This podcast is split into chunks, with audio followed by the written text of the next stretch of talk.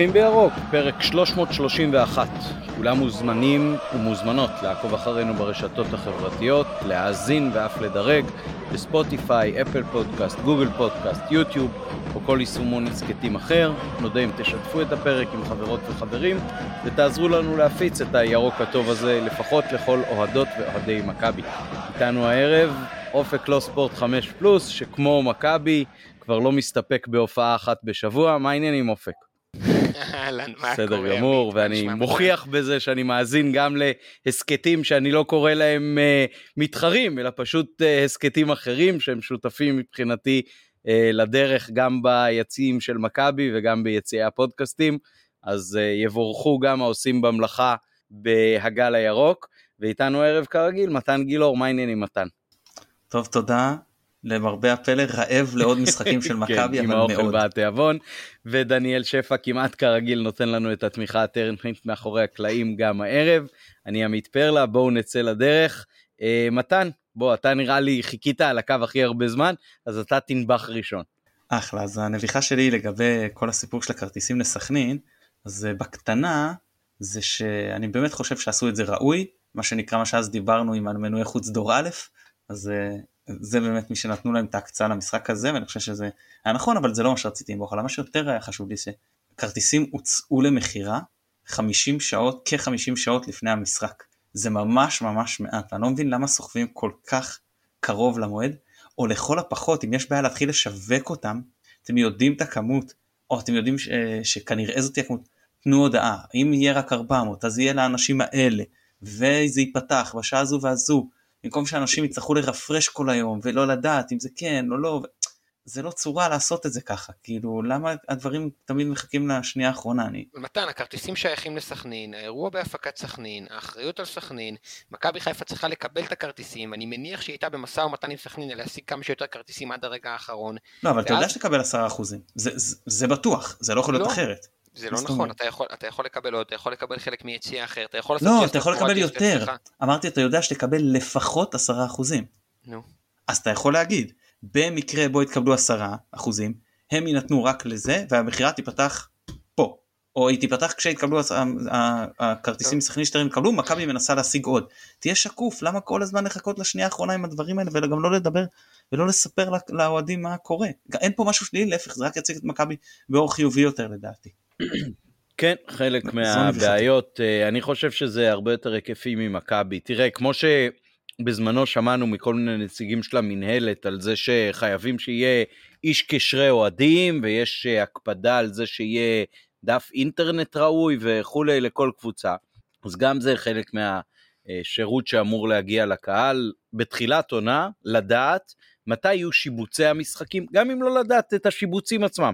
השיבוץ עתיד להיקבע עד ליום או ביום זה וזה, ומה יהיו מועדי פתיחת הכרטיסים, כמו שכולנו היום אנשי העולם הגדול, גם אם אנחנו לא נוסעים אליו, אנחנו רואים אותו דרך האינטרנט, אנחנו רואים שבפרמייר ליג אה, אתה רואה באיזה מועד ייפתח אה, מכירת הכרטיסים לכל אה, משחק בעתיד הנראה לעין בוודאי, לפעמים גם מעבר לזה. אופק, אתה רוצה לנבוח? Uh, בשמחה. אז uh, צייצתי בטוויטר כמה וכמה פרסומים על uh, שמות של בלמים וכותרות וכתבות מאוד מעניינות. אני מציע לאוהדים ולאוהדות שלנו להיות סבלניים. הסיטואציה של מציאת בלם במצב שנוצר היא לא פשוטה מבחינת מועד העזיבה של בוגדן והדדליין לרישום באירופה וזה שאנחנו הרבה אחרי ש... שחקנים כבר לא יכולים לצאת עם האופציית buyout שלהם. תסמכו על מחלקת ה-scout של מכבי חיפה ועל אלברמן ועל ברק, שיהיה בסדר. אתם מוזמנים ואתן מוזמנות לחזור לפרק על הזרים של אה, נדב ושלי ולהסתכל על כל המשחקים כדי להבין שגם אם זה ייקח קצת זמן או גם אם זה לא יהיה perfect עכשיו, ימצאו זרים טובים ויביאו שחקנים איכותיים שמתאימים למה שהמועדון צריך והקבוצה אה, צריכה על הדשא. זה נכון שקשה למצוא בוגדן, אולי אפילו בלתי אפשרי למצוא בוגדן, במיוחד בפרק זמן הזה, ואני מניח ש, ששוב, שאם לא יצליחו עכשיו, יתקנו בהמשך, והבקשה שלי היא לא להיות בטרללת על כל כותרת באתר. כן. זה ממש נראה זהו. כמו סוג של uh, גלגל המזל, אם הוא יהיה רומני, קרואטי או uh, כל מוצא אירופאי אחר, באמת uh, כל שם זוכה. מאוד מבדח ב- בימים אלה, אה, אולי לא למי שצריך לבחור, אבל לפחות למי שיודע לקרוא קריאה ביקורתית. אה, הנביחה שלי היום היא מתוצרת אה, אח שלי, אתמול במשחק הוא אמר לי, אתה חייב לנבוח על זה, אז אני ממלא את מצוותו. לא יכול להיות שחלק ניכר מהמשחק, כשמצלמים את הקהל, לא רואים איזה דקה אנחנו במשחק. ואח שלי אמר לי אתמול במקרה שזה קרה לו כמה וכמה פעמים שהוא הרים עיניים למסך ורצה לדעת באיזה דקה אנחנו והוא ראה כל מיני אוהדים מאוד נחמדים אבל לא ראה את הדקה של המשחק. אני אוסיף לזה את החלק שלי, לדעתי גם על הצג אה, האלקטרוני אמור להופיע, אה, אמורה להופיע גם השעה. לפחות אם לא בזמן המשחק אז לפני המשחק לדעת באיזה שעה אנחנו ולדעת באיזה דקה אנחנו במשחק נראה לי מאוד מאוד uh, בסיסי וראוי, uh, ונראה, אולי גם נציף את זה דרך הצינורות שלנו למכבי. אולי זה ימצא, ימצא פתרון, למרות שלדעתי רוב הזמן אה, לא רואים שם איזושהי חלוקה על המסך, אלא כל, כל הזמן יש אובייקט מסוג אחד, נקרא לזה ככה. עוד משהו או שנעבור? אולי, כן כן, אולי, אולי, שווה, אולי שווה לנוכח המצב של מכבי שיהיה בצד את. לוח עדכוני טיסות של נתב"ג. כן, בהחלט, בהתאם להגרלות המשתנות. אה, כן, אנחנו גם עם זה עכשיו. אה, אוקיי, אז אה, בואו נדבר קצת על ה-4-1 שפתח לנו את העונה, אמנם זה המחזור השני, אבל זה המשחק הראשון של מכבי בליגת העל, ליגת זירו, ככה זה נקרא היום, נכון? אה, אז 1-0, אה, אוקיי. 1-0, ליגת 1-0. לא, אני צוחק על זה שזה הליגה של אשתי, אה, לזכרו של אלי מוהר, זכור לו טוב. אה, אז אופק, בוא תן לנו את הניתוח שלך, לפחות לגבי החלק הראשון של המשחק, ההרכב של בכר, מה ניסינו לעשות, למי נתנו לנוח, וכל מה שכרוך בכך. יופי, יופי, נת, נתת לי את החלק הפחות טוב, איזה כיף. מתן, uh, תתפרץ, עמית, uh, תיכנסו באמצע. Uh, מכבי חיפה וברק בכר מגיעים למשחק מול יריבה בלתי נסבלת, שגם לוחצת גבוה, גם מתכוננת טקטית טוב, גם אגרסיבית, וגם יודעת לנצל את שיטות הבילדאפ של היריבות שמנסות לתקוף את הלחץ שלה ולהניע כדור. אגב, לנתניה הרבה יותר קשה עם קבוצות תחתית שפשוט מעיפות את הכדור. אמ, וזה המשחק השלישי שמכבי חיפה פוגשת את אה, מכבי נתניה של בן עילם אמ, כשהיא אה, לוחצת כל המגרש, וברק בכר מנסה משהו שהוא לא ניסה עד כה, וזה לפתוח ב-442 יהלום. 442 יהלום זה קו ארבעה שחקנים. יהלום לא סימטרי. קו ארבעה שחקנים שנייה בהגנה, ורביעיית קישור באמצע שבה יש שחקן אחרון נטע לביא, שני שחקנים מעליו אבו פאני וחזיזה, ומעל שלושתם באמצע עומר אצילי, בעצם בעמדה האידיאלית של שרי. הרביעייה הזאת אה, של שחקני הקישור שלנו היא רביעייה אה, אה, שבה דולב חזיזה יכול לזוז ממקום למקום, ובהתאם לתזוזה שלו שאר השחקנים זזים. אממה, לא באמת היה זמן להתאמן על זה. לא רק שלא באמת היה זמן להתאמן על זה, גם הכושר הגופני של השחקנים, כמה שהוא טוב, ונדבר על זה כשנדבר על החצי השני, הוא בכל זאת מושפע גם ממה שקרה בבלגרד לא מזמן. ולראיה, אה, כמובן שיש שני חלוצים, לא אמרתי, ניקיטה ודין דוד, בטח גם בהם ניגע בהמשך. לראיה, אם תלכו ותראו את הגול של נתניה, זה גול שמצד אחד הוא גול קלאסי נגד יהלום, כי בסוף המהלך מייצרים שניים על אחד באגף, אני מזכיר, אנחנו עם רביעיית קישור שבה אין שחקני אגף, יש רק מגנים בצדדים, ומצד שני הוא גול שאסור שיקרה לך ביהלום, כי הכדור הראשון של השוער נופל בין אצילי לבין חזיזה ופאני, בדיוק איפה שלא אמור, אמור להיות כזה בור כשמשחקים ביהלום. אז uh, הגול הזה היה גול ש... ש, ש, שהוא באמת בשפת ה... צריך גם להגיד, צריך קל. גם להגיד שהוא בא לדעתי כמהלך ראשון מיד אחרי הפסקת שתייה, והייתה שם כנראה איזושהי התארגנות כמו תרגיל שאתה עולה איתו מפסק זמן כזה. אז לי, האמת שלי זה היה נראה שהם חיפשו הרבה את הבור הזה, רק, ש, רק שזה בור שלא לא אמור לקרות לך, ואני חושב שזה נובע א', מזה שדולב חזיזה היה עייף, הוא במומנטום נהדר, הוא רוקד על המגרש, הדריבלים הולכים לו מצוין, בסוף כשאתה עייף אתה לא תמיד מרגיש את זה בתוך אותו רגע. דבר שני, זה כי עומר אצילי הוא באמת לא שחקן שרגיל לשחק בעשר, באמצע. והוא קצת הולך לאיבוד, ואם תשימו לב, גם הגול שהוא הבקיע מהעמדה של העשר זה בעצם גול שהוא בא כמו שהוא אוהב לבוא מימין לתוך הרחבה ונגח פנימה. אז זאת אכילת הראש שלי לגבי המערך של ברק בכר.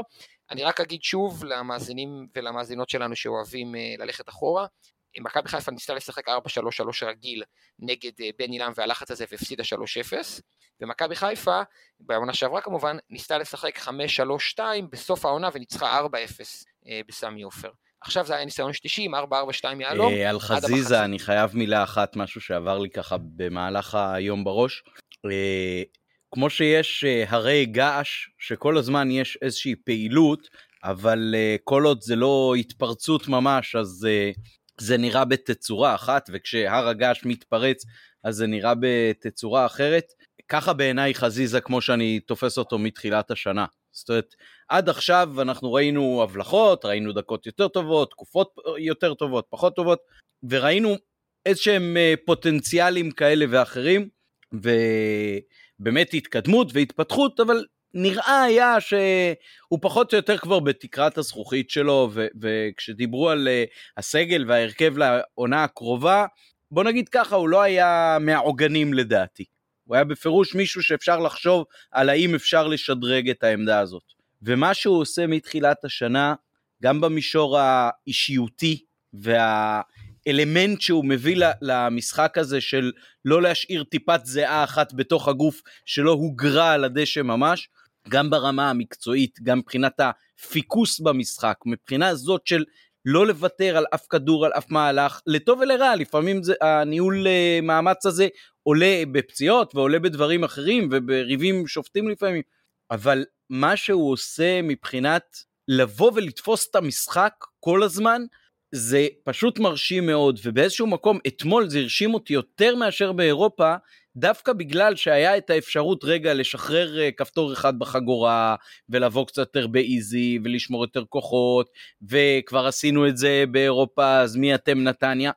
והוא בא וטרף את המשחק והתאמץ מהשנייה הראשונה עד הרגע שהוא ירד פשוט מרשים בצורה בלתי רגילה, זה על חזיזה, ושתיים, זה מתקשר לי מה שאמרת, ש, שהוא היה כבר קצת אה, עייף וכולי, אה, נקלעתי היום לשיחה, אני לא אסגיר שמות כי לא ביקשתי את אה, האנשים ששוחחו, אבל לשיחה בין שני אנשים שהם אה, אושיות מאוד מרכזיות במכבי, עוד מימי שנות ה-60. זאת אומרת, הם, בוא נגיד ככה, הם דיברו מזיכרון מאוד מאוד אישי ולא רק מהיציע על הזכייה של מכבי בגביע ב-62. ואחד מהם, שהשתייך לנבחרת הלאומית בשעתו, טסה למקסיקו, אה, דיבר על זה של לשחק שני משחקים בשבוע, שאחד מהם היה נגד אה, נבחרת אתיופיה, ואחד היה נגד אה, נבחרת ירושלים כלשהי, ואחר כך הוא עלה לדרבי והכל בהפרש של שבוע, עשרה ימים, משהו כזה, והוא דיבר על זה שבדקה 60 פשוט נגמר, כמו שסוללה נגמרת. אז נכון שהיום זה לא שנות ה-60 ולא שנות ה-70 והאימונים הם אחרים וזה, אבל בגדול הגוף שלנו הוא אותו גוף כבר הרבה מאוד שנים, אז uh, זאת הפרפראה שלי, uh, ובפרטים מי שירצה אני אתן לו יותר פרטים אחר כך. אני רוצה להגיד רק שאני הרגשתי אולי אופק מבחין יותר טוב ממני ואני לא הבחנתי לב כמו שצריך, אני הרגשתי שבאיזשהו שלב אה, חזיזה ואצילי החליפו במקומות ואצילי עבר ימינה וחזיזה עבר לשחק את העשר, זה היה נראה לדעתי יותר טוב. רגע, תראו, יש לנו פה... אבל אתה, אתה מדבר על החצי הראשון? על החצי הראשון. כן. כי בחצי השני זה מה שקרה בוודאות. לא, לא, אני לא מדבר על החצי השני, אני מדבר כרגע רק על החצי הראשון, שני נגיע אליו. אמ, אני אגיד משהו, יש לנו פה בעיה, יש לנו שני שחקנים מצוינים, שהעמדה הכי נוחה, זו הבעיה שלי לא חדשה, שהעמדה הכי נוחה להם זה צד ימין. ושניהם פורחים בה, ושניהם מהשחקנים, אולי שני השחקנים הכי טובים בליגה בצד ימין. וההבדל הוא שחזיזה יותר מגוון והוא יכול לעשות אה, הרבה גם בשמאל. אז זאת כרגע הפשרה הכי טובה. אבל בצד שמאל כולל חזיזה בשמאל, אין לנו שחקן ברמה שיש לנו בימין, בין אם זה חזיזה ובין אם זה אצילי. זה דבר שצריך להציף אותו ולהגיד אותו. אה, אני אגע קצת בנתניה, אה, תראו, נתניה עשו אה, משהו אחר לעומת גם מה שהם עשו נגד בית"ר ירושלים. הם עלו עם זלטנוביץ' כחלוץ תשע ורוטמן באגף, ברקו כאילו במקום תומאסי, והכניסו עוד קשר, את אביב אברהם. וזה למה? קודם כל, כי אין מה לעשות. אתה רוצה לעשות לחץ אז השלישייה הזאת של, של אה, ברקו רוטמן אה, זלטנוביץ' עושה את זה הרבה יותר טוב מאשר עם גיל יצחק שם. גיל יצחק לדעתי כמו שאני תופס לוחץ פחות טוב. דבר שני, הניכר שהם לא רצו להחזיק בכדור. לא לחינם המחצית ראשונה הם החזיקו בכדור פחות מ-40% זה לא נתניה, נתניה זו קבוצה שבדרך כלל אוחזת בכדור הרבה. הם הבינו שאם זה יהיה קשה להם, לטעמי. רגע, מה, ניסיון... זה, מה זה אוחזת בכדור הרבה? הם בקבוצה של הקפות קצרות אבל. אבל שיעורי החזקה בכדור שלהם גבוהים. בוא, אה, שווה לבדוק את זה, אני מציע גם למאזינים okay. אוקיי. שלנו לבדוק את זה, אני לא בטוח שהם גבוהים כמו של קבוצת uh, צמרת. אוקיי, okay, אני עוד מעט אפתח שם נגד בית"ר ירושלים ואני אראה כמה, כמה הם uh, החזיקו, אני אזכר. יופי, שטיח. עכשיו, עכשיו, קטעת לי את עצמך עכשיו. אה, כן, אז אני חושב שגם חלק מהעניין זה היה לדחוף את הכדור מאוד מאוד מאוד מהר קדימה ולא לנהל כמעט התקפות מסודרות, מה שנגד בית"ר ירושלים הם כן עשו. ושוב זה עניין שאתה משחק עם תשע גיל יצחק או עם זלטנוביץ' זה משנה את המשחק. אה, ובטח כשאתה רוצה שהשחקנים שלך בצדדים יעזרו בהגנה, מה שזלטנוביץ' פחות עושה, הפעם לא היה את כרם ג'אבר שתפס קו לבד, וגם שי קוסטנטין לא מסוגל לתפוס קו לבד, אז, אז זה, זה כמובן אה, נראה אחרת. אה, אני חושב, אגב, קודם כל אני באתי למשחק, אני מודה, בחשש. ירידת מתח, עומס פיזי, קבוצה כמו נתניה שהיא טובה והיא גם אירופאית, זה אומר שהיא מגיעה אליך בכושר טוב. היא עשתה מחנה מוקדם, היא שיחקה עוד קצת משחקים רשמיים, היה לה זמן ועוד היה לה הפסקה באמצע, זאת אומרת זה לבוא כשאתה כבר מפתח איזשהו כושר משחק ולעשות אה, עוד אימונים אה, בכושר משחק, שזה, שזה מוסיף, ונראו טוב גם נגד בית"ר ירושלים, ואני מודה ש, שחששתי, ו, והשחקנים שלנו באו, אתה ציינת את חזיזה, אבל זה כולם בגישה מצוינת, מצוינת. וזה נכון שבהתחלה הם הצליחו קצת לשבש לנו את הנעת הכדור. וזה נכון שבשער לביא פספס ביציאה ואבו פאני פספס בזה שהוא לא קיבל מקורנו את ברקו שנכנס לתוך הרחבה ואם הוא ממשיך איתו לתוך הרחבה אז קורנו מספיק לצאת לשי קוסטנטין. וסונדגרן לא הספיק בסגירה אלכסונית על אה, זטנוביץ'. אז בסדר הדברים קורים ויש טעויות כמובן וקשה להחזיק גם פיקוס מנטלי וגם פיקוס פיזי אפילו כשאתה בא ב-state of mind הכי נכון זה קשה בעומסים כאלה. אני חייב להוסיף אבל מתן, זה נכון, זה מנטלי, זה פיזי, זה גם מקצועי, כי אין זמן להתכונן. נכון, נכון, חד משמעית. כשאתה לומד שבוע את הכוכב האדום, אתה יודע על כל שחקן לאן הוא הולך, באיזה מבנה התקפי. כשיש לך חצי יום ללמוד את נתניה ווידאו מקוצר של שבע דקות, אתה ככה או ככה לא יכול להיות מוכן למשחק. אגב, זו גם הסיבה שחשבתי שכדאי לנו כאוהדי מכבי חיפה, שמכבי תל אביב יעלו לאירופה. כדי שלא יהיה להם זמן להתכונן למשחקי ליגה, ואז, ואז יש יותר סיכוי שהם ידממו נקודות, תמשיך. כן, למרות שה, שהרצף תמיד של אה, שבת חמישי שני הוא יותר קל מרצף של שבת שלישי שבת, אבל לא חשוב. אני, אני, אני, יש יתרונות ויש חסרונות, אני שם את זה בצד כרגע. אמ, זהו, אני, אני רוצה לגעת באבו פאני, שהיה קצת בעיית אה, גישה בחלק מהעונה, וגם מעבר לגישה, אולי נראה טוב, ואתמול לדעתי הוא היה נראה הרבה יותר טוב. ושוב חזרנו, זה עולה, אומנם לא אותם מספרים שהוא החזיק בשיאו, אבל עדיין ראינו את השחקן עם הכי הרבה כניסה, ל, ל, הכי הרבה אה, מאבקי, אה, אה, מאבקים בקבוצה, כאילו, נכנס להכי הרבה מאבקים, זה מה שאנחנו רגילים לראות מאבו פאני, היחיד שמעל 20, נכון שחזיזה אולי אם לא היה יוצא אולי היה עובר אותו, אבל זה לא העניין כרגע. אנחנו רואים את אבו פאני גם שנכנס להרבה, וגם שמנצח הרבה באמצע, וכשיש לך קישור כמו לביא ואבו פאני שמנצחים 20 מ-30, 66% מאבקים באמצע, או אה, משחקים טוב את הדריבל. למרות שהיה שם קצת עיבודים וזה לא היה הכי טוב בעולם אבל זה נראה טוב. זה ההבדל בין המשחקים, בין המשחק נגיד שחטפנו מנתניה 3-0 שנה שעברה, ש, שנתניה ניצחו ב-66 או 70 אחוז מהמאבקים. זה לא בהכרח באמצע, זה יכול להיות גם מגנים מול מגנים. כשאתה מפסיד המון המון המון מאבקים, מה שקורה טקטית הוא משמעותי, אבל הוא, הוא פחות משמעותי. כן. בסוף כדורגל זה משחק של אלף מלחמות קטנות. מי שמנצח ביותר קרבות קטנים מתוך האלף, זוכה במשחק, או אם לא זוכה במשחק, הוא בעל הסיכויים הגבוהים ביותר לנצח את המשחק. כן, ושיש לך של... ש... צמד קישור שמסוגל להתמודד עם שלישיית קישור, מוס... אה, אה, גם אם זה לא מבחינת השיבוץ, אני מדבר מבחינת האופי של השחקנים, אז אתה מוסיף לעצמך בעצם עוד כלי התקפי. ואני חושב שבמחצית הראשונה היינו מאוד מסוכנים, היינו הרבה יותר מסוכנים נכון, מנתניה. נכון, האחד נכון. אחד הוא משקר לרעתנו למרות שנתנו נכון, buzzer beater. נכון, אה, דין דוד, דין דוד בכושר, אה, בכושר אה, שבו כמו שראינו literally נגד בקפריסין הוא יחמיץ גם מול שער ריק. ובכל זאת הוא מגיע לשלושה ארבעה מצבים כל משחק, מה שהוא אומר שהוא בעניינים מבחינת חדות ותנועות טובות ותיאום עם השחקנים האחרים, ואבו פאני בעט שתי בעיטות מאזור קצה הרחבה, שאבו פאני של שנה שעברה לכל הפחות בועט אותם ככה שלשוער קשה להתאמץ, מתחת הלכה לו בכיוון, בעיטה שנייה הייתה אה, אה, דרדלה, וניקיטה באחד על אחד, אפשר לדבר אחרי זה על ניקיטה שחוץ מהמצב הזה לדעתי היה די דחליל על הדשא. אופק לא, אה, לא למחזר ו... בבקשה מהסכתים קודמים ו... את, הביט... את הביטויים, נגיד לא ו... דחליל אלא קרטיב על הדשא. תראה, אתה צודק. שוטר תנועה. לא, שוטטות, זה בסדר. אני מקבל את ההערה שלך. אני בעיקר רציתי להגיד, זה הערת שוליים חשובה. אני ראיתי את המשחק מהבית. ומן הסתם מי שרואה את המשחק מהבית רואה את המשחק אחרת מכם באיצטדיון ונזכרתי שוב איזה חוויה גרועה זאת, שמתי מיוט בתור התחלה וזה צ'רלטון, כן, אין, אין פה ניגוד אינטרסים, זה לא שהמשחק שידר בערוץ הספורט. אמ, שמתי mute ואמרתי לעצמי, אני אראה כמה שאני יכול, אם צריך אני אעביר אחורה, זה לא לראות אותו משחק כמו מהדשא. literally זה, זה, זה לא לראות את אותו משחק.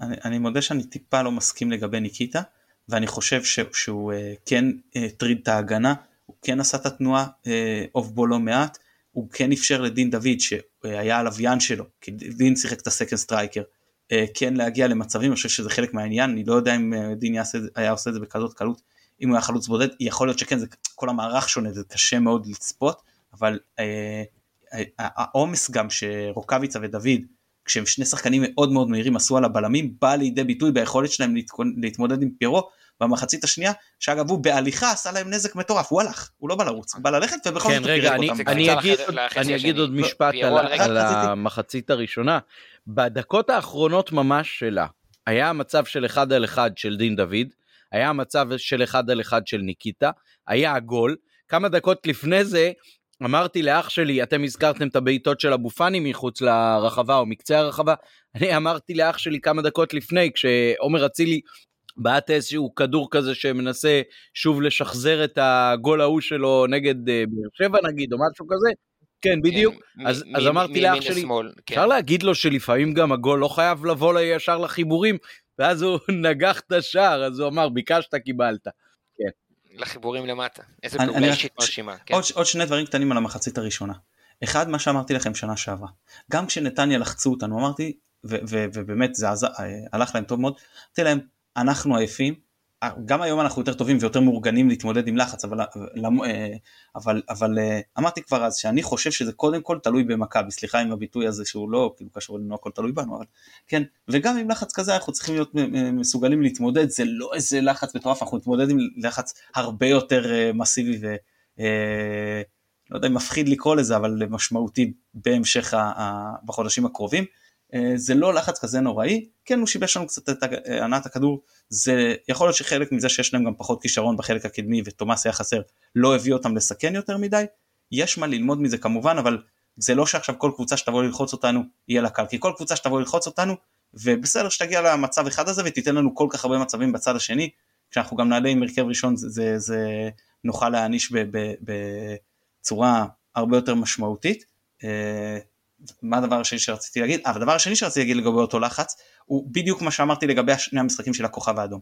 במשחק הראשון אנחנו יצאנו ללחץ גבוה מאוד אה, מסיבי 20 דקות ראשונות היינו גמורים בסיום במשחק השני היה בדיוק הפוך ועכשיו נתניה הם אלה שאכלו את זה כשאתה עושה לחץ גבוה זה אפילו אם זה מביא לך לפעמים את השער ואני לא אומר שלמכבי יש ברירה מכבי בליגה ככה צריכה לשחק וכנראה שגם נתניה אבל הם צריכים צריך לדעת שיש לזה מחיר גם בחשיפה הגנתית וגם בעייפות. נכון אה, נכון, ואני חושב שעצם זה שלא משנה אם היית משחק עם נטע או עם עלי, אחד מהם אה, קצת עייף, ועצם זה שפאני לא שיחק כמות כזאת של דקות מלא זמן, בכלל פאני לא עלה בהרכב הרבה זמן, ועופרי, אני לא בטוח שבא להתייחס לזה, אמ, ו, ושני המגנים שלנו במערך של יהלום שצריכים לשרוף את כל הקו, שניהם שיחקו 90 דקות סופר אינטנסיביות בבלגרד, כל ההיבטים האלה יחד באמת מקשים עליך ללחוץ גבוה ולהיות אינטנסיבי ולהגיע ראשון לכדורים ולהתמודד בכל המאבקים עם נתניה. ובעיניי, מה שראינו בחצי הראשון הוא מכבי חיפה טובה התקפית ומכבי חיפה לא מספיק מהודקת. אה, לא, לא מספיק, אה, לא מהודקת, לא מספיק אה, אני, יעילה הגנתית. אני, אני המשפט שעבר לי כן. בראש תוך כדי משחק בעניין הזה, זה בעלי הבית לא בבית. במובן הזה שפלניץ' לא שם, במובן הזה, תסגור רגע את האוזניים, תעשה מיוט לעצמך, אה, רודריגז לא שם, וגם שרי לא שם.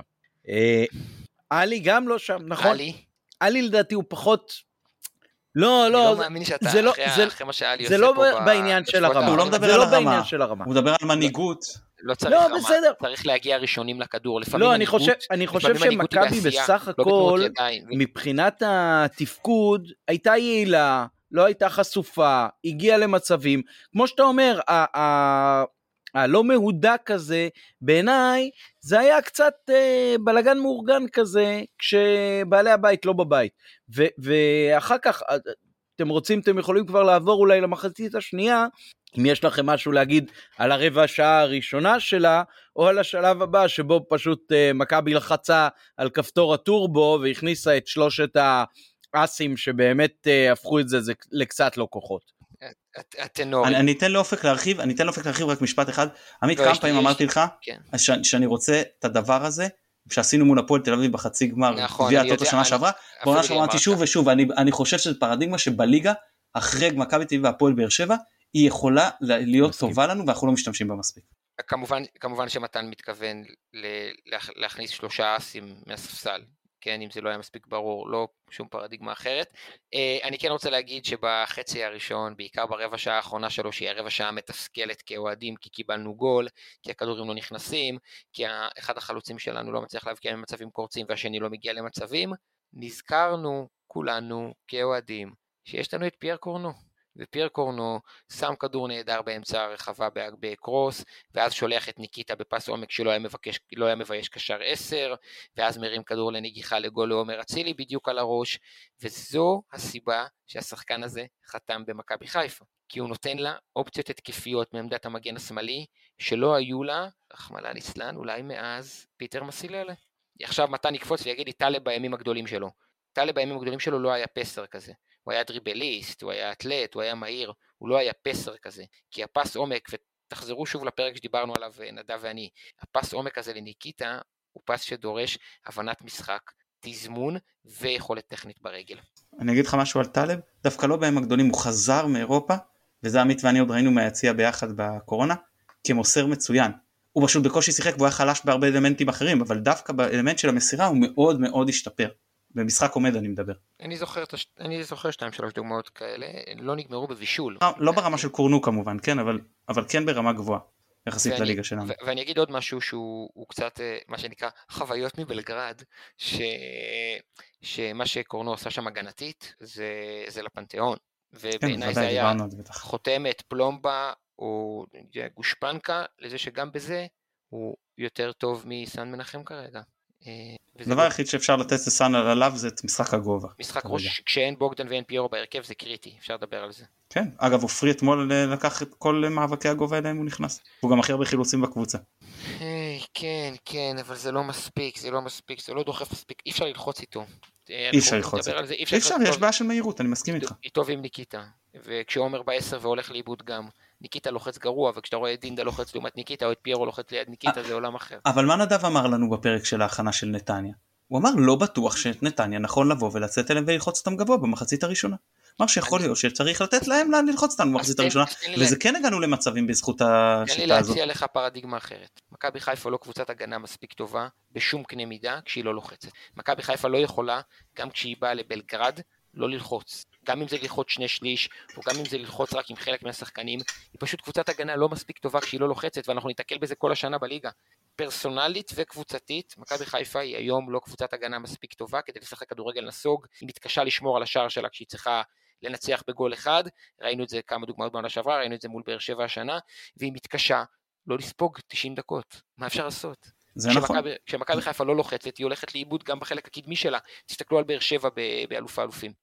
זה, זה נכון אבל מכבי תצטרך לעשות את זה בחלק מהמשחקים בליגת האלופות לא תהיה לך ברירה אם אתה רוצה לרדת עם תוצאות שראינו בסוף השבוע הנוכחי. אם אתה חושב שאתה יכול לבוא וללחוץ גבוה את פריס סן ג'רמן עם אה, לא, שלישייה אתה... של אה, מסי ניימר ומבפה מקדימה אז. אתה, אתה צודק אבל אני לא בטוח שספורטינג שהיא קבוצה שלוש רמות מעלינו. בנפיקה. אה, אני לא בטוח שספורטינג היא... לא, אבל רצית, למה הרסת לי עמית? באמת, רציתי לתת לו לסיים ואז להכות, נו באמת, איך לקחת לי את זה? אני מתוסכל מהחמש שבאר שבע נותנים לביתר. אה, בנפיקה, סליחה, אני, אני, אני באמת לא בטוח שזו קבוצה שיש לנו מה לעשות נגדה אם אנחנו הולכים אחורה. נדבר על זה בהכנות לאירופה, גם מבחינת אה, סגל השחקנים שלנו, כדי שנוכל לתת גול, נצטרך לשחק עם שחקנים שיודעים ללחוץ למעלה. ללכת אחורה ב-5-3-2 בלי אף שחקן התקפי זה לא רלוונטי. לא משנה, בואו בוא, עוברים לחצי השני. כן, בוודאי. אז uh, החצי השני התאפיין קודם כל במעבר ל-4-3-3, שוב נפשט, אה, מכבי חיפה אה, שיחקה עם שלישייה קדמית שבה עומר אצילי משחק בימין בעמדה שנוחה לו, דין דוד משחק בשמאל, לא העמדה שנוחה לו, העמדה השנייה הכי נוחה לו, וניקיטה רוקאביצה בשפיץ. שלישיית האמצע נשארה עם נטע לביא ומעליו אבו פאני, כשהשלישי שם הוא דולב חזיזה. זה בערך העמדה השישית או השביעית שדולב חזיזה משחק בה מתחילת השנה, וזו העמדה שאנחנו אוהבים לראות בה את שרון שרי. אה, דולב חזיזה הוא שחקן מספיק אינטנסיבי בעבודת הרגליים שלו, ביכולות הפיזיות שלו, ובטח במומנטום שבו הוא נמצא, כדי לעשות את העבודה הזאת לא רע. התודות. לאבוקסיס אגב, שאמצע ימין הוא היה משחק אצל אבוקסיס לא מעט. אה, נכון, יחד עם סורו ואשכנזי. אמ, אה, וגם ראינו אותו משחק את זה אצל ברק בכר בכמה סיטואציות. אמ, מה שאני רוצה להגיד על השיטה הזו, זה שהיא מבליטה את אצילי. וההבלטה של אצילי, כמובן, באה לידי ביטוי מהרגע שנכנסו הטנורים שדיברנו עליהם מקודם. ה-4-3-3 הזה אמ, יצר קצת בלאגן אצל בן עילם, לא ברור לי למה, שניסה לעבור לשלושה בלמים והחליף אה, שיטת משחק. ה-4-3-3 הזה, בשונה מ-4-4-2 יהלום, הוא פשוט שיטה שהשחקנים מכירים יותר טוב. אני, זה יותר אני, נוח להם בו. אני, אני רוצה לסנגר פה על בן עילם. כל השלישייה הימנית שלו, השמאלית שלו, סליחה, שהימנית שלנו, הרטרץ, אה, אה, אה, אביב אברהם. אביב אברהם ורוטמן, רוטמן נכון היה שם, היו מוצבים. הוא היה חייב לשנות שם משהו. תגיד, הם היו מוצבים בגללי?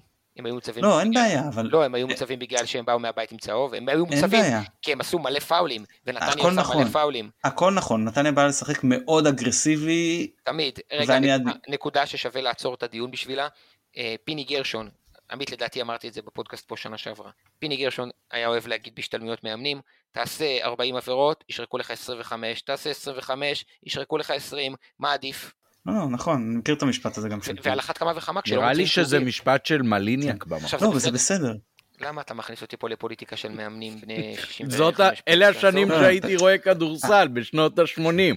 הבנתי, אז אם אני בהשתלמות מאמנים, מאמני כדורסל, בהשתלמות הבאה אומר לפיני גרשון, זה לא משפט שלך, זה משפט של מליניאק, אני מפנה אותו אליך לטיפול. כן, מה שרציתי להגיד, זה, אה, זה בסדר, אין בעיה, אני רק אומר שאני מנסה לסנגרן בן אילם, מה הוא חשב כשהוא עשה את אותם אה, חילופים. ואתה לא יכול שכל הצד שלך מוצב, ואתה לוקח את השחקן ההתקפי הכי טוב בליגה בעונה שעברה, ומציב אותו שם, עם עזרה שאתה יודע גם שנכנסים עכשיו השחקנים שנכנסים, אז אתה מבין שזה מתכון לאסון. אה, למרות שזה לא, לא נראה לי שיותר מדי משנה מה הוא עשה, זה באמת היה כאילו מאותו שלב אה, הצגה. אבל אה, אני רוצה לשאול, מש, להגיד משהו אחד על כל הנושא של אגב דין דוד. אני חושב, ולא בדיעבד, ואמרתי את זה גם לפני המשחק, הוא בא עם עומס, והוא שיחק בהתחלה second striker, ואחרי זה כאילו צד שמאל, הוא לא שיחק את התשע בכלל, וזה ממש כאילו, לא הבנתי למה לא נתנו שם למאביס לפתוח, יכול להיות שמאביס באימונים איום ונורא, יכול להיות שהגישה שלו לא טובה, אין לי מושג, יכול להיות שמדדים פיזיים של דין כן היו טובים ואמרו ששווה, שאין בעיה לתת לו לפתוח, אני באמת לא יודע, אני לא שופט ברק בכר, הוא בוודאי עוד יותר יותר טוב ממני. אבל אני, לתומי, בתור אוהד הקטן, המאזינים שלך, חשבתי. המאזינים שלך והמאזינות שלך הם אנשים אינטליגנטים ואינטליגנטיות. אחד ועוד אחד זה שתיים. הבן אדם לא פתח בהרכב מתחילת העונה, נכון? אוקיי. שחק, אחי. מה, מה אתה מבין מזה?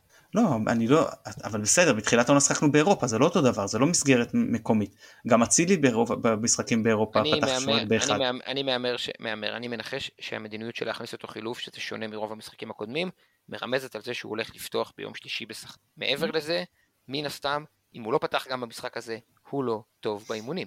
אוקיי, באמת יכול להיות בסדר, אבל עדיין אני חשבתי שזה יכול, משחק שיכול להתאים לו, חשבתי שהשילוב שלו עם רוקאביצה יכול להיות טוב. אמ, זהו, אז באמת טוב, אה, בואו נגיע לחלק המכריע של המשחק. הוצאנו אה, שלושה שחקנים, אה, והכנסנו שלושה שחקנים אחרים. זה לא, זה לא שנטע היה לא טוב, נכון? לא, לא, בכלל, אני חושב שנטע היה טוב, אבל עלי אתרי שמניע את הכדור הרבה יותר טוב במצב שהמשחק עייף, אין מה להשוות, נו מה, כל הנעת כדור של הקבוצה משתנה. נכון, אז עלי נכנס במקום נטע, שרי נכנס במקום אה, דין דוד ודולב הלך שמאלה, אה, ופיירו אה, החליף את ניקי, ובעצם אנחנו נשארים ב-4-3-3 עם שחקנים טריים חדשים ועם המון כישרון בכנפיים.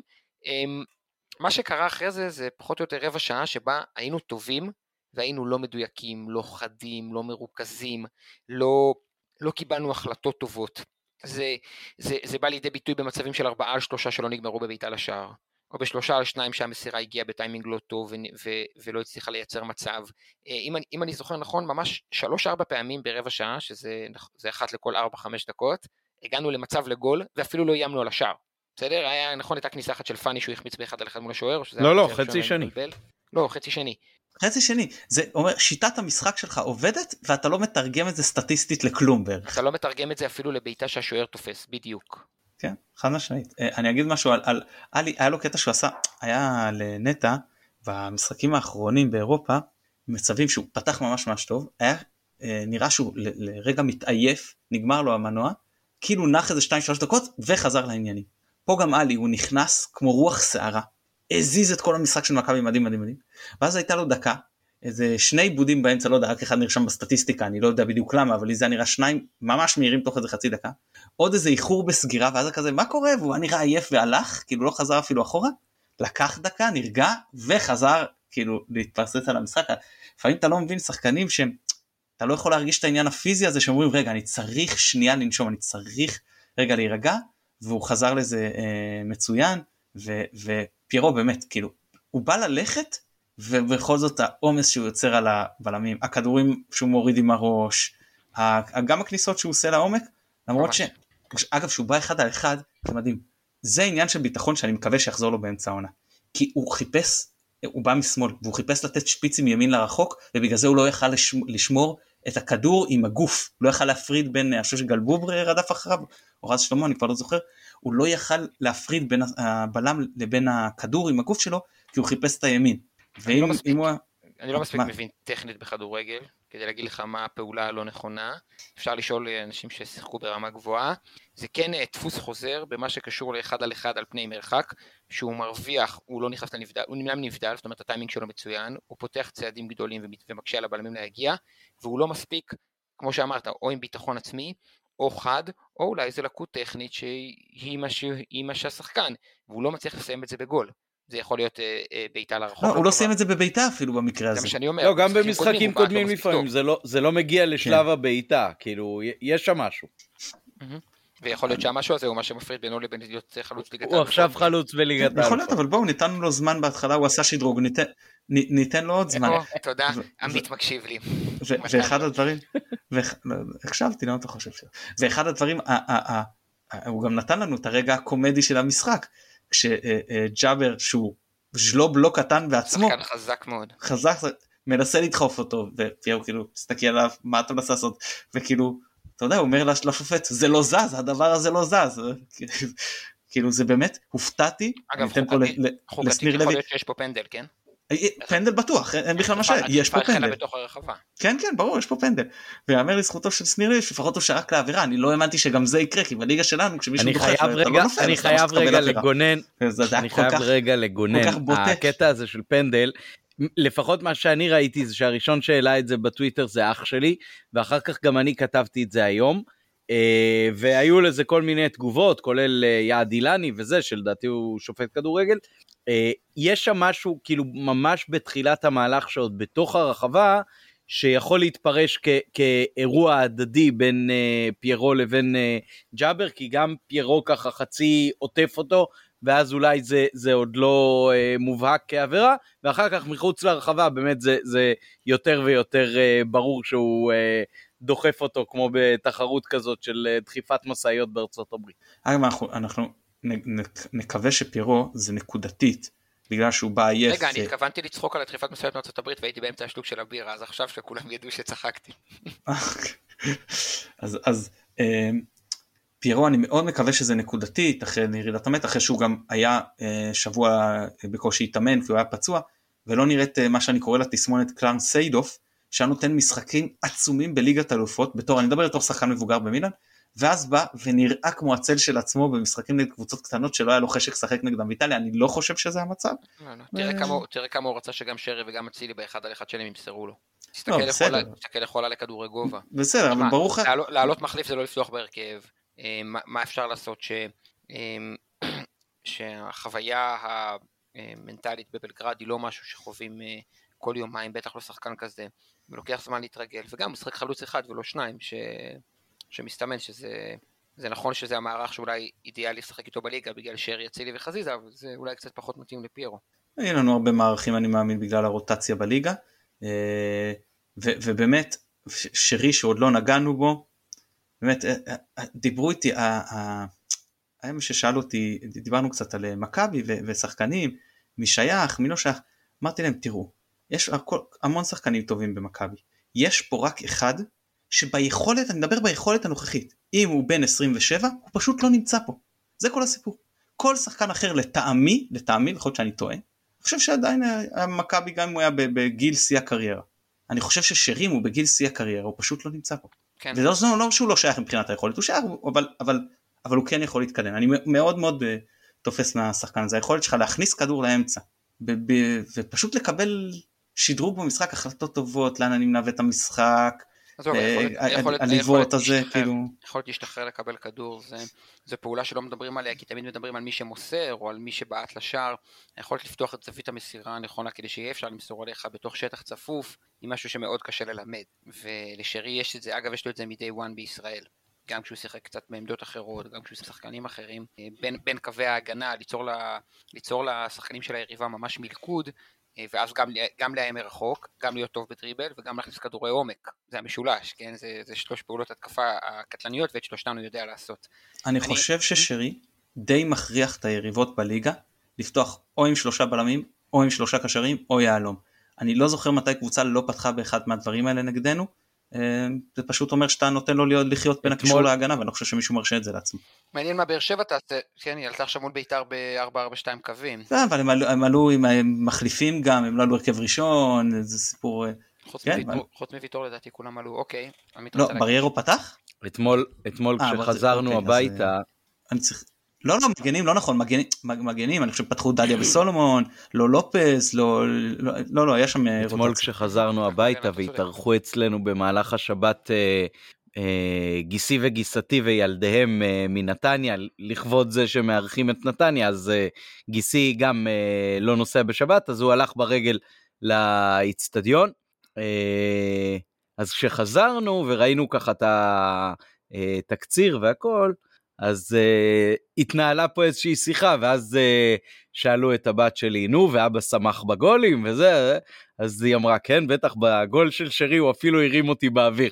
אז אמרתי, אין מה לעשות, שרי זה שחקן שאני כל כך אוהב, ש, שהוא גורם ל, ל, לאנשים סטרייטים לפקפק בהעדפות המיניות שלהם. פשוט כזה, כזה, באמת, אני אומר, התמלאתי אושר בגול שלו, למרות שהוא היה הגול הכי פחות משמעותי מבחינת הכדורגל, אבל לראות אותו נהנה ושמח ו- ושטוב לו ושהוא מבקיע, זה, זה מבחינתי כמעט. הדבר הכי חשוב היום בכל משחק, ו- ומעבר לזה אני לא יודע כמה שמו לב, בטח לא מי שבבית וזה, אבל לראות אותו הולך חצי מגרש בסיום החימום של המחצית, מחובק עם uh, יובל אשכנזי ועם היד עליו, החום האנושי הזה שהוא יודע להפגין, זה כל כך מראה על הבן אדם שהוא, וזה מעבר לכדורגל עצמו, כל כך תורם גם למי שאיתו על הדשא, אבל גם למי שאוהד את הקבוצה שהוא, שהוא לובש את מדיה, זה פשוט כאילו, זה, זה כיף לי, אני, אני מתמלא גאווה שזה השחקן שיש לי בקבוצה. אני חושב, אני, אני, אני אסכם בקצרה ואז תן לכם להגיד את מה שאתם רוצים. אתה מדבר על שרי? לא, לא. אז שרי עולה במשחק אה, מול נתניה, אחרי שאשכרה שיחקנו בבלגרד ועלינו ליגת האלופות, עולה מחליף דקה 60, לא נראה טוב, ומסיים עם גול ובישול בהליכה. אה. ואוהדי מכבי תל אביב בטוויטר הרציניים שבהם, אשכרה אומרים היינו רוצים אותו בקבוצה שלי. יש, זה, יש לכם את זה ביותר אה, שחקן שהוא מענץ'? אגב הוא היה היה כיוון שהם יביאו אותו נכון בשלב מוקדם יותר של הקריירה אם אני זוכר נכון שלוש, אבל היה יקר מדי או משהו. שלוש שנים לפני שהוא היה אצלנו שנתיים משהו כזה. אמ, אני אגיד משהו. אחד, מכבי באמת הצגה. כל כך כיף לראות את הקבוצה הזאת, את הנכונות של השחקנים. שוב, אני באתי בחשש שזה לא יהיה, וזה היה, וגם מבחינת הכדורגל, זה גם כיף תמיד לראות משחקים של נתניה, אגב, אני ממש נהנה כמעט נגד כל אחד, בטח נגד מכבי שתי קבוצות כאילו באות אה, כאילו לשחק, ולמרות שנתניה הפעם באמת היו, אמרתי, מאוד אגרסיביים, אה, וקצת ניסו לבזבז זמן בחלק מהזה, ואפילו קיבלו על זה צהוב. אבל עדיין אני, אני, הם משחקים אה, פתוח ואת זה אני אוהב. אה, ואני רוצה להגיד עוד משהו על נתניה. עוד ייכנסו לעניין קרצב, תומאסי יחזור, אה, הם יהיו פחות נאיבים לדעתי. אני, אני חושב, תראו אחרי הניצחון 4-3 על רענן היו, היו הרבה כאלה שאמרו הם עוד יעשו צרות להרבה קבוצות, לא, לא הצטרפתי לזה והם ירדו, ירדו ליגה בסוף העונה. אני מסכים עם כל הטענה, כל התזה שלך. נתניה לא... כן יעשו הרבה צרות. רגע, אני, מס... אני מסכים עם כל התזה שלך, אני לא בטוח שקרצב חוזר לשם. כרגע הוא בסגל. הם הודיעו שהוא חוזר לסגל, אני לא יודע. נראה לי שמהיכרותי הקטנה עם עסקאות שקשורות באייל סגל, הוא כל כך תקע את העסקה שלו וכבר הביא לו מחליף, שזה שילוב שיקשה עליו. לא, מה זה, רנאים עוד משחק, היה דיבור על זה שהוא יביא את רנאים, אבל רנאים עוד בסכנין. לא, לא, איתן אזולאי. אז היה, היה גם, אז, אז היה דיבור שאם הוא עוזב גם, אה, גם רנאים אמור לבוא ואני, ורנאים, אני יודע ש... עדיין צריך ילכו. הם הביאו את איתן אזולאי בלא מעט כסף במכבי פתח תקווה בשביל זה, אמ, ואני גם חושב שעדן קרצב הוא שחקן שזאת ה... זאת ה... זה הרגע שלו למקפצה, רק שמקפצה זה באר שבע, מכבי תל אביב או מכבי חיפה, או, או אירופה באמת, אבל לא יודע מי מהקבוצות יכולה להביא אותו בסכום של 2.5 מיליון יורו, אם מה שפורסם הוא נכון. כן. טוב, אז זה, זה מבחינתי הסיכום, היה לי כיף. מה עם אה, מילה על אה, דרור שמשון והכושר הגופני? אה, רציתי לדבר על זה. האם כל אדם, האם כל אדם שקילל, טינף, המציא, נהיה מומחה בתחומו וגמר את הבן אדם הזה מסוגל לבוא ולהגיד כל הכבוד? אני לא מבקש להתנצל, אני לא מבקש uh, למחוק ציוצים, רק האם, האם ניתן להגיד כל הכבוד עכשיו? קודם כל יש פה שניים, נכון, שצריכים לתת להם את המחמאות האלה, דור שמשון ואורי אריאל, נכון? שניהם מגיעות להם מחמאות, קבוצה, אני דיברתי על זה, אני דיברתי על זה, כשהגענו במוכנות פיזית לנקודה מוקדמת מאוד בעונה שהיינו חייבים להגיע אליה במוכנות פיזית. במשחקים באירופה דיברת. הרבה מאוד מחמאות על זה.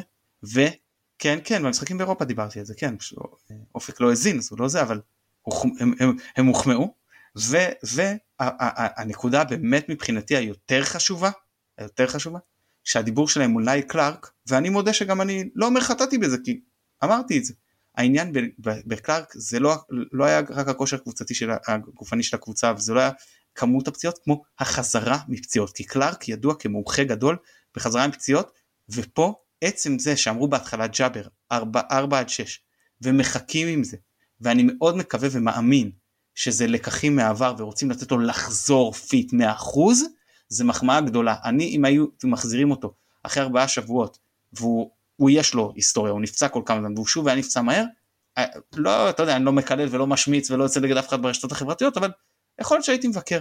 ופה אם הוא יחזור, אחרי יותר זמן ממה שהוא היה אמור להשתקם מפציעה כזאת, וייתנו לו את הזמן, ובכל זאת נפצע בסדר, אין מה לעשות, אז דברים כאלה קורים. אבל מתן, אני, אני בשונה ממה שרואים על הדשא, שגם בזה אני חסר מושג, אבל לפחות אני יודע מה אני רואה, נכון? העיניים שלי לא משקרות 442, 433, יותר טובים, פחות טובים, מנצחים מאבקים, מפסידים מאבקים, אנחנו בורים בפציעות ספורט, ואנחנו לא יודעים מה קורה בפועל. זה לא שהפציעה, השיקום, האבחון, הניסיון ששחקן מתחיל לרוץ קורה מול העיניים שלנו. לבוא ולהגיד שנייל קלארק היה מומחה גדול בחזרה מפציעות זה... לא. לא, לא, נייל קלארק נחשב כמומחה בחזרה מפציעות, זה לא קשור בכלל למכבי לא מכבי, נייל קלארק נחשב, נחשב, יש לו תגית מוניטין של מומחה בחזרה מפציעות. גם בתקופות שנפצעו לנו הרבה שחקנים ב hamstring, המדדים שלנו עובדתית, מספרית, עלו מהשנה קודם. אבל מה, מה קשר למה שאני אמרתי? אני לא אמרתי שנפצעו יותר, אמרתי שהחזרה מפציעות, אני שוב, מזה קלארק נחשב מומחה. זה לא, אני, אני, אני לא מכתיר פה מומחים, אני קורא מה שזה, אני כמו שאמרת, okay. אוקיי. אני לא יודע, אני לא מבין קורא, בזה. מה, קורא ראיונות איתו בוואן? למה, הוא הכתיר את עצמו כמומחה בחזרה מפציעות? אה, כן, וגם מכבי חיפה כן אז פספסתי את ה... אז זה זה, אבל... לא, גם לא, היה לא. שווה, היה שווה, זה בסדר לשווק אותו ככה. מה שאני רוצה להגיד, זה שאנחנו נראים פיזית, גופנית, אה, פיזיולוגית, טוב יותר מעונה לעונה. ואת זה צריך לשים על השולחן. נכון, העונה הזו רק החלה. היא החלה יותר טוב מזאת שלפניה ומזאת שלפניה. כן, טוב, קורונה וזה, אנחנו צריכים... מה שאתם שומעים זה קולות של דפיקה על עצים. למה? כן, עמית עושה לנו טפו טפו טפו. אה, הבנתי, חשבתי שהוא אומר שצריך לתקתק את הפרק, הבנתי. לא, אבל יאללה, אבל בואו נתקדם. אם אופק רוצה לתת עכשיו נראה לי כמה קצת חוויות מזה, או שאתה... לא, לא צריך, לא? מה, בהזדמנות, אני יודע, קיבלנו דוח משוטר דקה אחרי שעברנו את הגבול, אה, אני יודע, מיציע משפחות זרקו עלינו חזיזים, אה, אני רוצה להגיד מילה אחת אה, ברשותכם על הקהל של בלגרד. יש, יש משהו באצטדיון הזה, שאתה מרגיש או את מרגישה, שהקהל פשוט הולך להביא את הגול. אין לי איך להסביר את זה. זה לא הכמות, זה לא, זה לא התפאורה היפהפייה שבה פשוט יש אפס אנשים אדומים ביציע לבן ואפס אנשים לבנים ביציע אדום. זה לא המיושנות שלו. אפרטהייד. גם, ככה, גם זה, ב... ככה זה כשאנשים גדלים בדיקטטורה או אה, משטר פשיסטי או קומוניסטי או טוטליטרי זה או אחר. יש משמעת. אה, תכף הילדים שלי יגדלו ככה, בואו נעזוב את זה. אמ, מה שאני רוצה להגיד זה שהאיצטדיון הוא כזה שכשהקהל מתחיל לדחוף, יש שניות שהתחושה היא שהשחקנים פשוט משחקים יותר טוב. והבוז שהיה אחרי הפנדל של חזיזה, התוף של הקופים היה בשורה מתחתיי, מתחת לרגליים שלי. הם הזיזו אותו באמצע, ענייני אבוקות וכולי, התוף היה מתחתנו, ולא שמענו אותו. והוא מתופף ואנחנו לא שומעים. זה לא אני צועק לידי חבר שלי, ראית? ולא שומעים. את התוף. ליטרלי, כבר יש לי כאב ראש מהאלכוהול של הלפני, ואני לא שומע את התוף. ואז דניאל שם גול, ולא ראינו את הגול. הדגל מסתיר, היה קצת עשן, היה לא ברור, לא ראינו את הגול. עכשיו כל מי שעומד באזור שלי ביציע לא ראה את הגול. מסתכלים, מנסים לראות את הכוון, נכון? עכשיו מה הכוון יכול בכלל להגיד פה? ו- ולא מבינים, ופשוט חוגגים, ויש בלאגן ביציע, וכל הרעש של הקהל שלהם, הופ, מיוט. הרעש הכי חזק ששמעתי באצטדיון כדורגל בחיים, מיוט. זה, זה פערים מטורפים. אה, זהו, אני לא, לא, אחפור, לא אחפור יותר מזה. אה, אה, כן, למרות שאני חייב, מי שמכונה על ידי עופר שחקן מספר 7 במכבי, נתן שלושה וגם בישול, ובהקשר של מכבי כקבוצה, אני חושב שזאת בשורה מאוד מאוד מאוד משמחת. זה מאוד מאוד חשוב, נכון, נכון, זה לא נכון, להיות נכון, תלוי נכון, נכון בשחקנים נכון, שעד נכון. עכשיו נתנו את התוצרת, זה לא להיות תלוי רק בהרכב של מכבי שעלה במוקדמות של הצ'מפיונס, זה לחזור גם למה שהיה לך בעבר, זה פשוט מעיד על זה שהארסנל נכון. שלך לא יתחלף, אלא יתרחב. זאת נקודה מאוד מאוד חשובה, גם במישור האישי, גם במישור הקבוצתי. זה פשוט uh, עוד, עוד שחקן ב-level של ה-11 או ה-12, ה-13 או ה-14, מאוד מאוד חשוב מבחינת מכבי. 13, יש לנו 13 שחקנים. ואם... 13, יש לנו 13 שחקני הרכב, הוא גם שם את הגול השלישי בכזה נונשלנט. אז, אז זהו, זה, זה, זה, זה פנדל, והרבה לפני שזה פנדל, זה נגיחה בטיימינג ממש קשה, זה נגיחה על הקורה ופנימה ששני שוערים התקשו לעצור נגד כיוון התנועה של השוער, וזה סיומת של מהלך שנכון פיירו שרי, זה פשוט סיומת ברמת world class. הוא היה ב zone באותם רגעים אצילי, זה היה world class. אי אפשר, השוער, השוער יכול רק לצלם את הכדור. כן, אז מה, סכנינה? שחק. אז נגיד על סכנין, שאני אגיד רגע נדבר בגדול, הם גם שיחקו בשבת, ויש להם סגל פחות עמוק משלנו, ויש להם הרבה פחות אפשרות לעשות רוטציה, אמ, והשחקנים שלהם, אני מניח פיזית, גם פחות רגילים לשחק פעמיים בשבוע, ופה אני חושב שיש לנו איזשהו אה, סוג של יתרון. בוא נגיד שהם עלו בשבת ב-4-3-3, רגע, נעשה סדר. אמ, כשטלב טאוואט מגן שמאלי ומרואן קאבה בלם שהוא קשר, זאת אומרת זה שני שחקנים שההגנה היא לא הצד החזק שלהם, כן, הוא שיחק בלם אה, כבר חצי שנה שעברה, בפלייאוף נכון, גנטוס שהוא בלם לא רע ומגן ימני שלדעתי נפצע. אכן. לדעתי נפצע. אז בסדר, אז יעלה עבדאללה ג'אבר. כן, אני לא בטוח שאני נפצע לחצי שנה או לשלושה ארבעה שבועות. סליחה, הייתי חייב. אה, הייתי חייב להכניס את זה. שלישיית אמצע עם אה, יאב גנאים, בירם קיאל ושוקרני. שוב, בירם קיאל משחק בעשר. בהמשך למלא שיחות שהיו פה, כי שוב, הוא חייב שני קשרים דפנסיביים יותר מאחוריו, אמ, ובכנפיים קונטה ששיחק שנה שעברה ודומיטרו שנתן צמד, אה, גיא מלמד חלוץ. אני אומר את כל זה, כן, אתה רוצה להיכנס? אני רוצה לכפור במה שאמרת. כן. אתה לא בהכרח יודע אם הוא סירק את העשר כי הוא חייב שני קשרים דפנסיביים מאחוריו, או כי הוא סירק את העשר כי אין מה לעשות, ברמה של סכנין אין שחקן, אין שרי.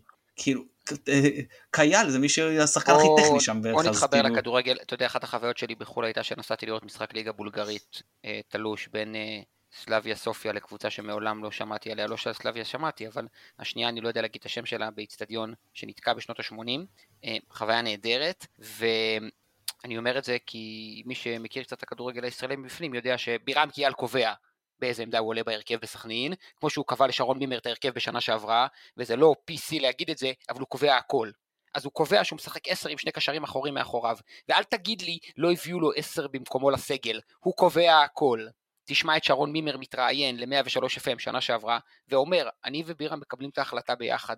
מעניין מי מדבר ככה, ואז מוצא את עצמו בבית. אוקיי, בקיצור בוא, אז דיברנו על ההרכב, כן. ג'אבר כנראה כ- אה, כמגן ימני. רגע, וכל זה לא אומר שבירם היה לא טוב נגדנו, הוא תמיד טוב נגדנו, בפעולות התקפיות. כן, האמת שדיברתי על זה גם שנה שעברה, אז עם, עם, עם, עם לפני שנתיים, סליחה, הוא ועטה ג'אבר עשו לנו הרבה נזק באמצע. אה, אבל בסדר, עכשיו אין את עטה ג'אבר, יש את, את, וזה חסר, שיש לך את שוקרוני ורנאים, אז בעצם שני שחקנים שהפורטה שלהם הוא הגנה, יש הרבה פחות מי שיניע את הכדור, ידחוף אותו קדימה, ינהל את ההתקפות. אה, זהו, אני, שוב, אני, אני באמת, אני מסתכל על הספסל, הם יכולים לעשות קצת רוטציה, אבל אין פה איזה משהו... הם יכולים לשחק, הם יכולים לשחק בקו חמש בהגנה, להכניס את פוליץ' ולוותר על אחד מהשחקנים הקדמיים, ואז לשחק עם אה, שני שחקנים קדמיים בלבד נגיד. כן, אבל אז על מי אתה מוותר? על קונטה שהוא השחקן שמקדם לך הכי הרבה את הכדור, נכון? בדריבל שאתה... שחקן כנראה כן, הדריבליסט הכי טוב של, של סכנין. כן, מלמד, כן, אבל תראה, אני, אני לא ראיתי מספיק את uh, דומיטרו ואני לא יודע, כאילו מלמד הוא לכאורה חלוץ שפיץ, אתה עולה, הוא יכול לשחק חלוץ שפיץ גם uh, uh, דומיטרו? אני חושב לא שמשני חלוצים יכול להיות חופשי לגמרי, לא משנה, אני רק מציע את זה כאופציה, זה הכל. לא, זאת אופציה, אין בכלל ספק שזאת אופציה, כן, זה לא... אתה רוצה שנדבר רגע על מכבי? כי, כי לכל המאזינים והמאזינות שלא סגורים או לא סגורות, אז יש בשבת טרנר אני בדיוק רציתי להגיד שזה נובחים בסכנין פתאום היה, אז אה, בואו, איך, איך, אנחנו, איך אנחנו לדעתכם כן, צריכים להיערך לדבר הזה, אה, רוטציה ווייז ושיטות משחק ו... כל מה שכרוך בזה. זאת אומרת, השלושה שקיבלו אה, שעה מנוחה מהמשחק בשבת צריכים לעלות בהרכב שם ולבחור שלושה אחרים שינוחו. איך, איך נכון בעיניכם לנהל את הדבר הזה? אני, אני אתן לאופק לתת שמות ראשון, אני רק ברשותכם אגיד יש פה סוג של שתי פרדיגמות, אחת ש, שתגיד באר שבע זה משחק גדול, למרות שיש לי אחרי זה ליגת אלופות, השחקנים ישחקו חזק טרנר, אני, אני עושה כאילו ממשיך רוטציה סכנין, שחקו חזק טרנר, שחקו חזק אה, בליסבון, ואחרי זה יהיה להם סוג של אה, מנוחה, אה, או שאני אומר משחק אחד מתוך 36, אני יכול להרשות לעצמי לזרוק בשלב הזה, זורק את טרנר זה לא באמת זורק, כן?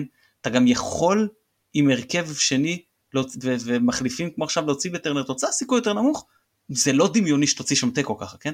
ומול סכנין לעלות עם ההרכב הכי חזק שלך. אה, ופה אני אתן לאופק להגיד. נתחיל בזה מה הוא חושב ש... ומה ברק חושב. לא, מה, מה אני חושב ומה אתה חושב ונעשה את זה ביחד, וגם עמית מוזמן להצטרף. אה, מה ברק חושב, אף פעם, לא, אני לא חושב שמישהו יכול לדעת. אה, נתחיל בזה שכל מה שאנחנו אומרים עכשיו הוא בהנחה והמדדים הפיזיולוגיים של השחקנים דומים למה שאנחנו אומרים. כי אם אנחנו מחליטים אה, נגיד לשים את ג'וש כהן בשער ואז מסתבר שהוא פגוע בכתף אז זה לא רלוונטי, בסדר? אז ג'וש כהן בשער שלי, ינון אליהו מגן ימני, עופרי ארד בלם ימני, רמי גרשון בלם שמאלי וסאן מגן שמאלי, זאת אומרת קו 4 עם אה, שני מגנים מחליפים ובלם שמאלי מחליף, בסדר? אה, שלישיית הקישור תהיה עלי מוחמד שלא פתח במשחק האחרון ושיחק רק 30 דקות, מוחמד אבו פאני שלא שיחק בבלגרד אה, ומאור לוי בעשר, ושלישיית אה, השלישייה הקדמית שלי תהיה מוות שיבוטה בשמאל, עומר אצילי בימין וניקיטה רוקאביצה בשפיץ. 4-3-3 בתבניות הרגילות פשוט... לפני לא שמתן ייתן את שלו אז אני אגיד זה פשוט ההרכבים שמתן היה נותן לנו בשנה שעברה למשחקי גביע וכולנו התנפלנו עליו שהוא לא מרכיב את פלניץ' והנה אתה לא מרכיב את פלניץ'. כן, זה, רציתי להקרבת לי את זה שאופק שני משחקים ברציפות לא משחקים פלניץ'. אמ, יאללה לילה טוב לכולם, הגג מוצא, סתם. אבל אני אמרתי את זה, אתה מבין, לגבי משחקי גביע אתם עושים לי את זה פה, זה בליגה, אבל סתם. פלניץ' לא עולה אה, בדרבי. לא, לא, כן, עכשיו, אה, מה שאת, נו, אה, אני חושב קודם כל אני הייתי עולה עם משפטי, אני גם חושב שטוב לכהן. לנוח קצת. מעניין. אה, לא שאני לא תופס ממנו, אני חושב שהוא שוער מצוין, היה לו קצת, אני חושב שתעשה לו טוב מנוחה, אני חושב גם שזה טוב לשמור את משפטי בכושר לתת לו מדי פעם כשאפשר ולשמור אותו בכושר טוב.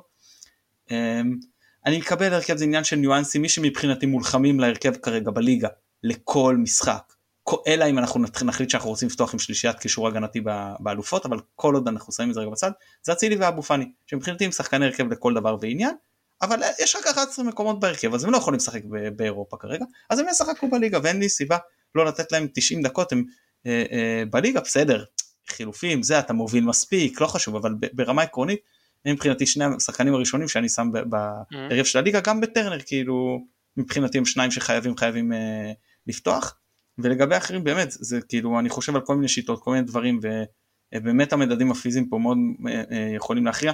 אני סך הכל מתחבר למה שאופק אומר, גם בסכנין אפשר לעלות עם, עם, עם, עם הרכב משני, להכניס שלושה ארבעה אסים מהספסל ולהכריע את המשחק במחצית השנייה, קל וחומר כשאתה מגיע מול סכנין ששיחקה שלושה ימים לפני ולהם אין את הפריבילגיה כמוך לעשות את אותה רוטציה. והם גם מגיעים בכושר משחק פה הרבה כן, פחות טוב. כן, אני גם מצטרף לדברים, כשאולי אולי מה שכן אה, שחקנים נגיד ששיחקו רק שעה אה, ביום אה, שבת יכולים לשחק אה, בהרכב ונגיד להיות מוחלפים במחצית או משהו כזה, אה, אבל בגדול אה, מבין המשחקים שיש לנו בשבוע, עשרה ימים הקרובים, זה בטח יכול להיות המשחק שבו נבחר לעלות עם הרכב שהוא משני, אז אני בהחלט שותף לדברים. עוד, כן. אגב, אגב, זה, זה, זה משחק שפוטנציאלית, בגלל שזה לא איצטדיון מלא של 30 אלף, יכולה להגיע אותה ירידת מתח של השחקנים ששיחקו הרבה באירופה, מה של המחליפים זה לא אמור לקרות כי הם באים להוכיח את עצמם ולהם זה פחות אמור להיות פחות רלוונטי האווירה בציון למרות שכמובן לכל שחקן זה משפיע אבל פה זה, זה, זה אה, יותר משמעותי מבחינתי. זה נכון שההרכב הזה ספציפית הוא לא נותן מענה אה, טקטי מושלם או קרוב לזה לסכנין אבל הוא מניח את הדעת בסך הכל ואותה שלישיית קישור אה, שוב, אגב, ודיברנו על לחץ גבוה, שמכבי יכולה לשחק לחץ גבוה, זה לא קבוצה ללחץ גבוה, זה לא הרכב ללחץ גבוה, אבל, אה, אבל עדיין, גם עם ההרכב הזה אפשר ללחוץ גבוה, כן, זה לא שאי אפשר. בוא נגיד לא ככה, אם יש לך בקישור את אה, אבו פאני ואלי מוחמד, ויש לך מקדימה את אה, אצילי וניקיטה ודין דוד, אתה אמור לכבוש שער או שניים, במס... צ'יבוטה אמרתם, כן. אתה אמור לכבוש לא שער או כן. שניים. אה, ואם אתה נתקע, אז גם יש לך כלים מהספסל אה, לעשות פחות או יותר את מה שעשית אתמול, גם אם אה, זה יהיה רק בחצי שעה האחרונה. אני בהחלט... אגב, גם, גם אם, אם לא הולך לך בהרכב כזה, אתה יכול לשחק יחסית נסוג, אתה משחק עם קו הגנה מאוד חזק בגובה, ואם אתה משחק נסוג יהיה קשה מאוד לעשות לך בהגבהות, וסכנין, לא יודע, זו קבוצה שתבוא ותפרוץ אותך בקלות דרך המרכז, לא בטוח, אז, אה, אז גם אם נראה שפחות הולך מהבחינה הזאת, אז תמיד אפשר לרדת אחורה, או לצאת למתפרצות עם אותו, אותה אה, חוליית התקפה מאוד מהירה, או לחכות פשוט, להשעות המשחק עד אה, אותו הכנסה של ה-first squat, ואז להכריע את המשחק. אז אלא אם אין לכם משהו נגד זכיין, אני אשמח אם נדבר טיפה על רכש, או שאתם רוצים להשאיר את זה לזה, כי אנחנו בכל זאת צריכים עוד רכש, בעיקר אחרי העזיבה של פלניץ'. תחכה עם זה אחרי סכנין, לא? זה יהיה קצת יותר קרוב לסוף החלון באירופה, אולי הדברים יתבהרו. אין להראות שאחרי סכנין אנחנו uh, הולכים להכנה מסיבית לא, בתקווה. פשוט, בתק... פשוט, פשוט צריך לזכור שביום בין חמישי לשישי הקרובים נסגר החלון לאירופה. כן, כן, ברור. לדעתי זה, זה דדליין, יותר משמע, זה דדליין טוב ל, לדבר על זה. אבל אתה רוצה לדבר עכשיו, אין בעיה. לא, לא, אוקיי, אין, אין לי בעיה, אני מקבל את אה, מה שאתה אומר, גם אה, מאוחר, אז בסדר גמור. אני רק אה, אגיד למאזינים שאנחנו נקליט עוד פרק, האמת שאפשר באמת בפרק הבא, אה, שהוא יהיה לסיכום אה, סכנין ולקראת המשחק בטרנר. אפשר באמת, אני לוקח את ההמלצה של אופק, באמת יהיה אפשר להכניס שם גם אולי דיבור על הרכש, גם אם הוא לא יהיה סופי לחלוטין זה בטח יהיה לנו תמונה קצת יותר טובה. ואז אני נדבר איתכם על השבוע של שבוע ראשון של ליגת האלופות, שיש מצב שהוא יהיה מאוד מאוד עמוס מבחינתנו ואנחנו עוד בודקים את ההיתכנות של כל האורחים וכל האורחים בעין, האורחים באלף ואנחנו מקווים שזה כן, יהיה שבוע חגיגה. יש כזאת צפיפות במשחקים שיכול להיות שחלק yeah. כן. מהפרקים אתם תידרשו להאזין לשני פרקים במקביל אז uh, תיערכו גם אתם. נעשה כן, רוטציה. יכול להיות שתצטרכו להאזין לאופק בכמה הסכתים במקביל בעת ובעונה אחת. בושה. מי שיתקשה בזה, אז אנחנו נשלח לכם גם הקלטות של שיחות איתו, כמו שיחות אה, פוליטיות שכבר התחלתי לקבל לקראת הבחירות הקרובות, ומי שלא יהיה זמין אז ישאירו לו הודעה. אוי ואבוי. אוי ואבוי. אתה מבין מתן, אנשים אחרים היו מקללים עכשיו. אצלנו זה הסכת נטול קללות. פעם אחת אמרתי אה, ביטוי שבוא נגיד, אה, כיניתי את אחד משחקני ליגת העל אה, בשם של אה, בעל חיים הולך על ארבע, ואחר כך, כן, חיית מחמד. חיית מחמד. כן. ואחר כך אה, התנהל אצלנו דיון של חצי יום עד כמה זה סוטה מהקו הרשמי של המפלגה. של ה... כן, בדיוק. אפרופו קומוניסטים. בסדר גמור, טוב, אז באווירה מחויכת זו, באמת כיף לפתוח ככה, אני חייב להגיד שחלק ממה שעבר לי בראש אתמול כשנכנס הרביעי, זה אוקיי, אתם נתתם את זה לבני ריינה בבית, אנחנו את זה, נתנו את זה לנתניה ימים ספורים אחרי שהפלנו לליגת האלופות, אז uh, אנחנו כאן בשביל להישאר כמו שאומרים, וכמו שגם uh, גל אלברמן אמר במסיבת העיתונאים, אנחנו קודם כל uh, עם המבט על uh, צלחת האליפות ורק אחר כך כל היתר, אה, אז שיהיו הרבה בשורות טובות, כיף לפתוח ככה את העונה בליגת 1-0. אה, תודה רבה אופק, גם לנו, תודה רבה מתן. תודה לכם. תודה רבה, תמיד באמת כיף לארח את אופק, אני לא סתם אומר, שהוא, אני חושב שהוא מבין כדורגל הרבה יותר טוב ממני ואני מאוד מאוד אוהב להאזין לו. אה, ואני אומר לחבר'ה שיבואו לדוחה, זה כבר יהיה מחר כשתשמעו את הפרק, בואו להגיד שלום, אני אשמח להכיר. נראה אם אני גם שם יסתדר. תשמע, אין לי סיבה לחזור לפה יותר. ניתן לך, ניתן לך סיבות, תקבל מענק חתימה. חכה, אנחנו, יש לנו גם את התופינים אה, שלנו. אדוני, אדוני, אם לא הבנת, אני פגוע מבוגדן. כי הוא הלך לכסף, בסדר? פגוע, רגשית, קשה לי. יואו יואו, הזכרת עכשיו שאני חייב עכשיו, אה, אה, כאילו סגרנו את הפרק אבל עכשיו אני חייב. היה לי דיון עם בני משפחה שלי שאומרים איך בן אדם מרשה לעצמו לוותר על האתגר המקצועי שהוא חיכה לו כל החיים בשביל בצע כסף וזה לא שהוא תגיד שהוא השתדרג מ-10,000 ל-30,000 שזה משנה את החיים הוא השתדרג מבן אדם שהוא גם ככה לא חסר לו כלום לבן אדם שיש לו זה אז נתתי להם חבר'ה הוא יכול עוד שבוע להיפצע פציעה שמסיימת לו עונה והוא יקבל שכר פי שלוש אתם מבינים את זה? בדיוק. זה הכל אל תשפטו אותו. לגמרי כך. תודה רבה גם לדניאל שפע או ליונתן אברהם שנותנים לנו את התמיכה הטכנית אה, מאחורי הקלעים, יום מופיע פה השם של יונתן פשוט. אוקיי, דניאל... לא, בסדר, אבל עכשיו מופיע על הצג לא פה השם של אה, יונתן, אז אני לא יודע אם זה שדניאל על השם של... אה, אוקיי, אז דניאל שפע, תודה רבה. זה דניאל. יונתן, תעזוב, תעזוב את זה. תודה רבה לכולם, ירוק עולה, תמשיכו לעקוב, תמשיכו להאזין, שיהיה שבוע טוב, נשתמע, ביי ביי.